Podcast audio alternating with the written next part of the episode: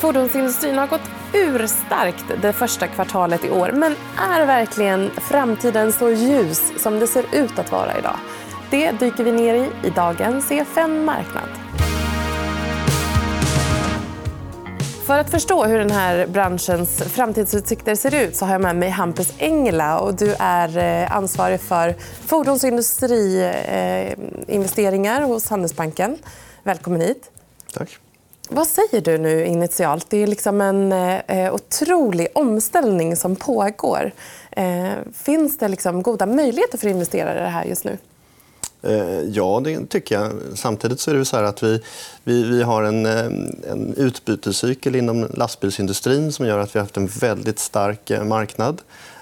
Vi har en bilmarknad som har varit väldigt svag sedan 2017. Eh, så att båda de här marknaderna har ett utbytesbehov. Samtidigt så har vi en konjunktur som ser in att gå in, gå in i en avmattning nästa år. Så att de här faktorerna står lite mot varandra.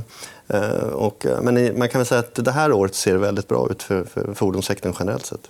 Är det då utifrån att orderna som har lagts på eller beställningarna har gjorts tidigare så att det blir en laggning. Liksom i, även om ekonomin backar så, mm. så ser man inte det på en gång? Eller vad beror det på? Ja, alltså, bilar och lastbilar är ju en kortcyklisk affär.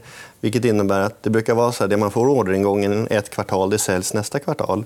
Men eftersom vi har haft det här problemet med komponentförsörjningen och, och eh, problem med underleverantörsleden vad det gäller logistik etc. Så, så har man inte kunnat leverera där efterfrågan varit vilket man har ackumulerat upp långa orderböcker. Så till exempel lastbilsindustrin idag sitter ju med tre kvartal av, av orderböcker som ska levereras ut. Och, och I bilindustrin så är det liknande. Mm. Vi är ju, när man tittar på liksom lastbilar och lastvagnar så är vi i Sverige väldigt eh, stolta över vår position. Vi har flera liksom, globala aktörer där. egentligen. Eh, om vi börjar med Volvo lastvagnar så har ju de en, en... De säger själva att de har runt 32% av eh, Europas marknad när det kommer till elektriska fordon. Och likaså närmare hälften i i eh, Nordamerika mm. Eh, för 2022. Då. Ehm, vad, eh, vad, vad, vad, gör att de kan ha den här positionen? Ja, man började, man redan 2019 så hade man en, en elektrisk lastbil för försäljning. Och, man har satsat där och man har ett ganska tydligt mål också om att 2030 så ska hälften av lastbilarna vara, gå på el. Och eh, då, då ambitiöst? Ja, det är ett väldigt ambitiöst mål. Eh, det gäller att även kundledet hänger med där. Eh, och det får vi se. Men det gör att man investerar och att man plockar ut nya modeller. Idag så har man då sex ellastbilsmodeller i produktprogrammet. Och jag tror att man sålt totalt 5 000 lastbilar. Vilket ur hela marknaden är väldigt, väldigt lite, men, men trenden är ganska tydlig. Mm.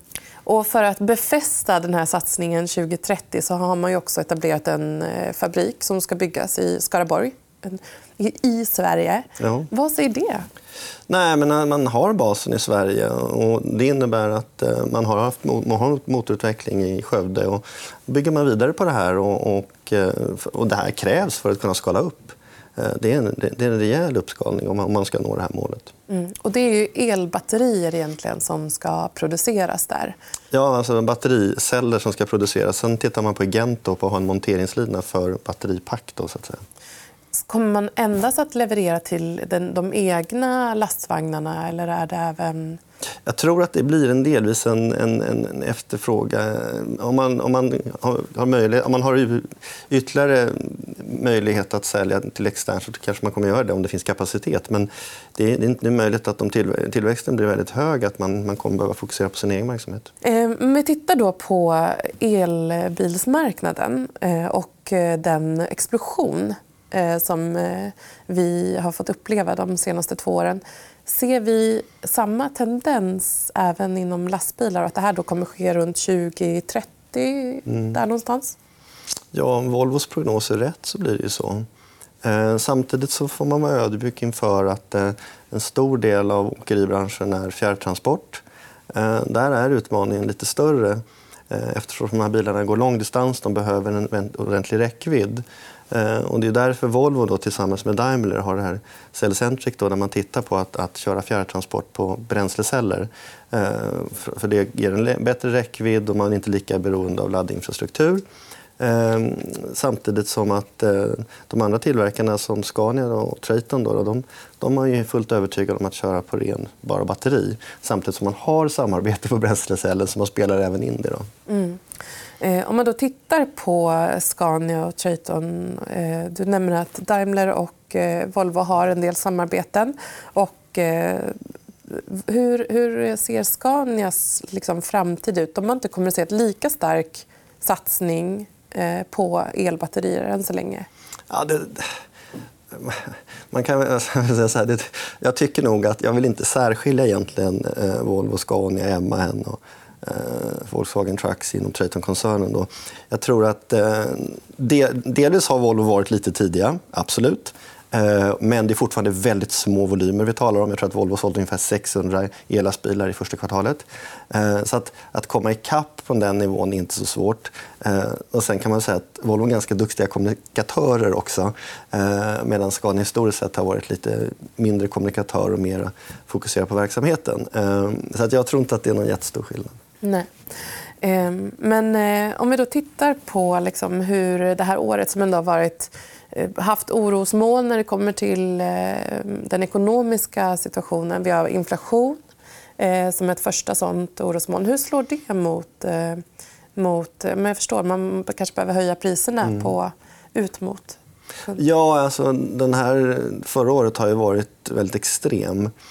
Eh, och man kan säga att många av de här bilbolagen... Och last... Hoppas det. Ja, bilbolagen och lastbilsbolagen har ju haft, plötsligt fått en, liksom ett prisledarskap. Man har kunnat höja priserna och man har kunnat välja vilka kunder man vill sälja till just på grund av att man har haft ett utbudsunderskott.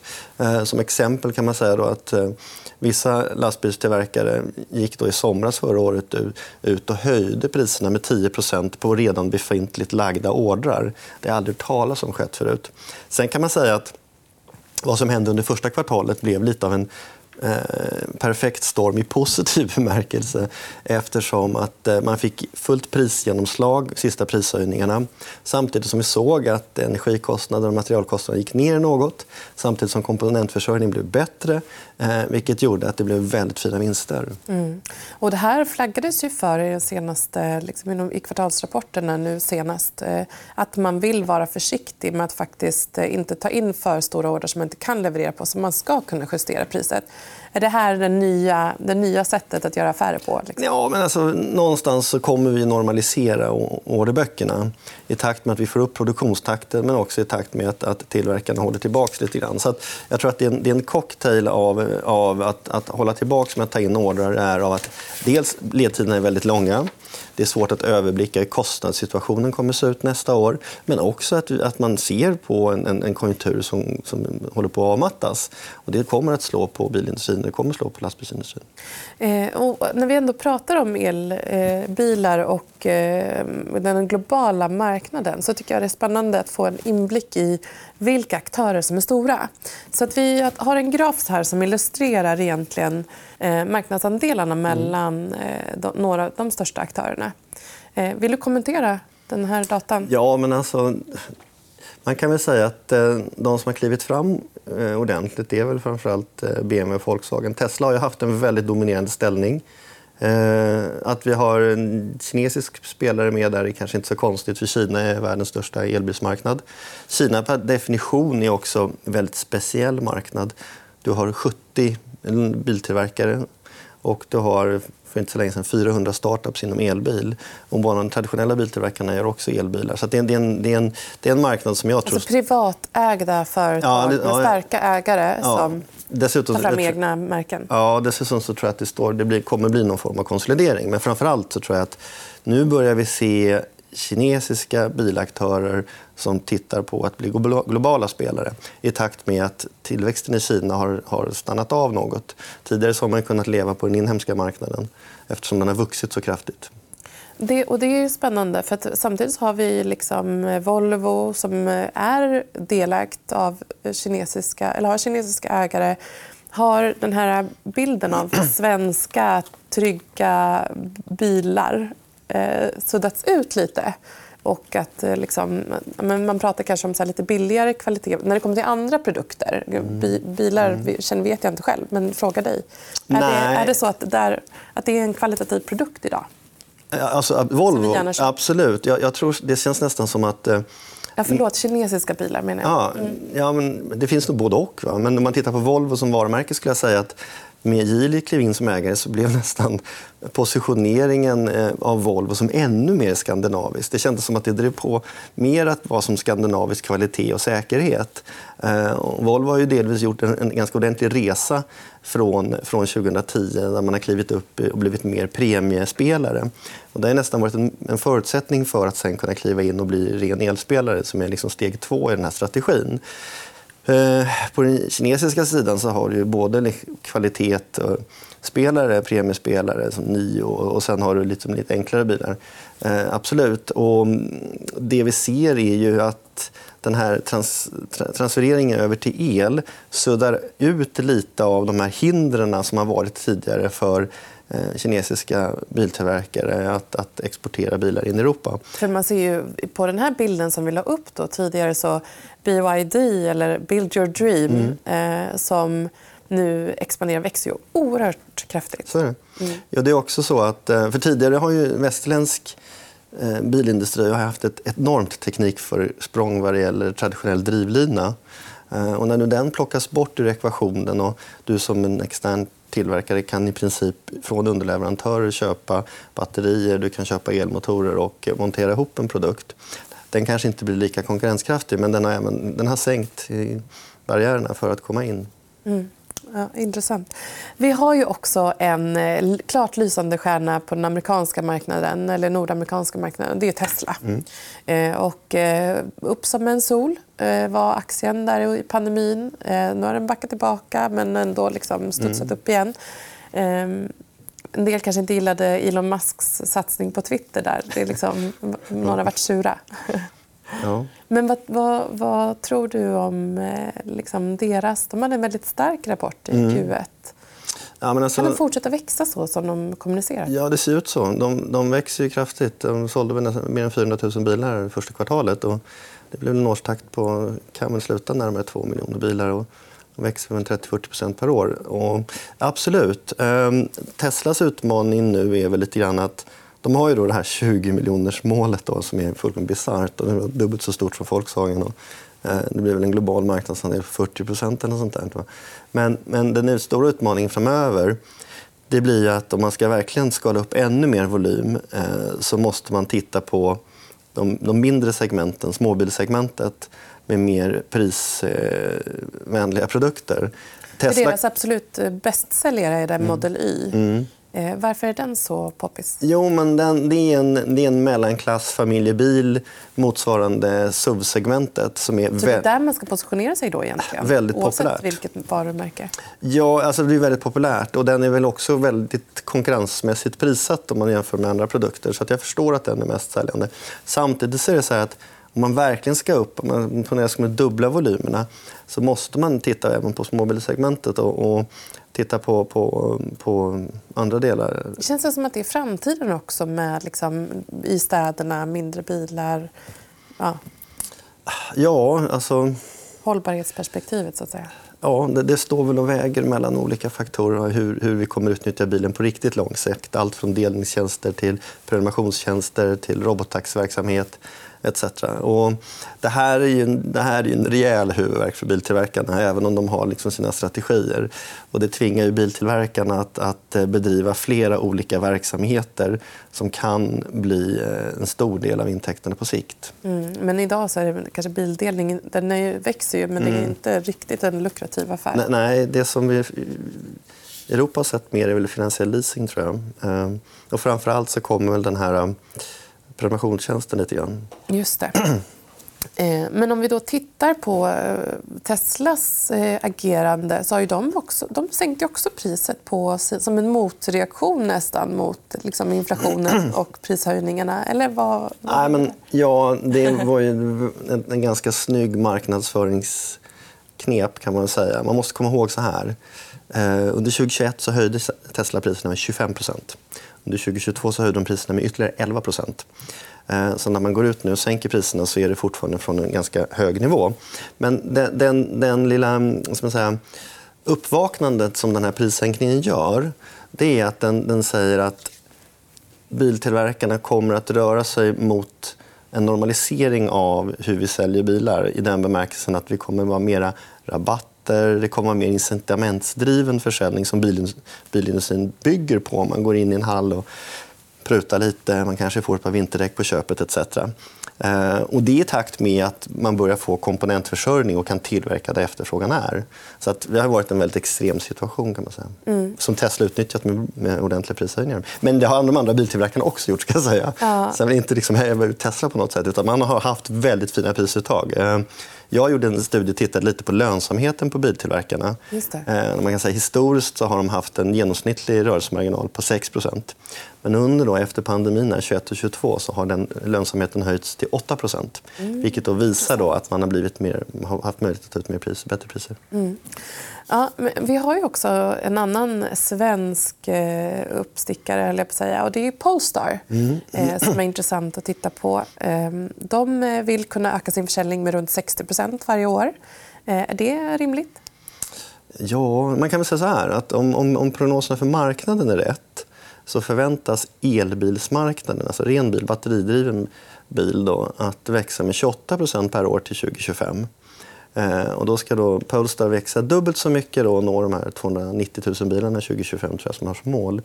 Och det bygger på då att man lanserar nya modeller som blir eh, hyfsat populära. Eh, så jag ska inte säga att det är omöjligt, men, men det är ett ambitiöst mål. Mm. Eh. Eh, om vi då tittar på framtiden generellt så har vi liksom en, en bild som illustrerar prognosen för tillväxt framåt också som kanske kan eh, liksom visualisera det vi pratar om just nu. Mm. Eh, och där så ser vi ju att rena liksom, elbilar mm. är ju ändå där, det är dit pengarna går. Så är det. Mm. Och det är väl framför allt det här um, man, som 2030 där man pratar om kommer upp i så här 40% penetration, 40 miljoner bilar. Um, det är ju en utmaning för du har den andra delen av där som vad gäller energiförsörjning då, för att klara av det här? Om man tittar på vätgas just för personbilar så är det en väldigt liten del. Ja, den, jag ska inte säga att den är avskriven, men det är väl väldigt tydligt att man går mot, mot batteri. får vi se hur det blir på, på lastbilssidan på kommersiellt. Några andra trender som man ska ha med sig eh, som investerare och hålla span på? Ja, men alltså det, som, det var väl så här att eh, man blickar tar tillbaka fem år i tiden så var det egentligen fokus på elbil och så var det fokus på självkörande. Eh, och sen så, i takt med att man hade en del problem eh, med självkörande, eh, man hade också några tyvärr olyckor, eh, men också vissa teknikutmaningar, så, så blev elbilsfokusen egentligen alenarådande och, och det som har dominerat industrin. Eh, men tittar man teknikmässigt nu så absolut, nu, nu börjar man rulla ut mycket självkörande funktionaliteter i bilarna. Eh, som initialt sett kommer att höja säkerheten framför allt. Eh, sen är det lite, lite längre till, till att man eh, sitter i baksätet. Du, är det nåt årtal, tror du? Som... Nej, jag, jag, jag ehm, det, det, det, finns olika spår där. Den, den, andra delen är ju också så att, att um, den traditionella bilindustrin då har valt att gå vägen mycket att, att de tar ansvaret för bilen när den är självkörande. Och då så då måste man ner på väldigt eh, små pros, pros, pros, promille. Och utmaning för... både när det kommer till försäkring och sen också ja. regulatoriskt mm. ja. för vem tar ansvar. Och, liksom mm. mellan länder och, och, delstater i USA och så vidare. Mm. Men man kan säga att de bilarna som kommer nu blir väldigt mycket säkrare och med, mycket samarbete mellan bilens teknik och föraren. När vi får sätta oss i baksätet och bara spela på telefonen, det återstår att se. Men vi på EFN är i alla fall tillbaka om ett par dagar. så Se fram emot det. In och följ oss på EFN Aktiekoll på Instagram eller EFN Ekonomikanalen på Youtube, så ses vi där. Du har lyssnat på EFN Marknad, en podd som produceras av EFN Ekonomikanalen. Du hittar programmet även i videoformat på Youtube och på efn.se. Kom ihåg att prenumerera på podden och följ oss gärna på Instagram för fler aktietips. Där heter vi EFN Aktiekoll. Ansvarig utgivare är Anna Fagerström.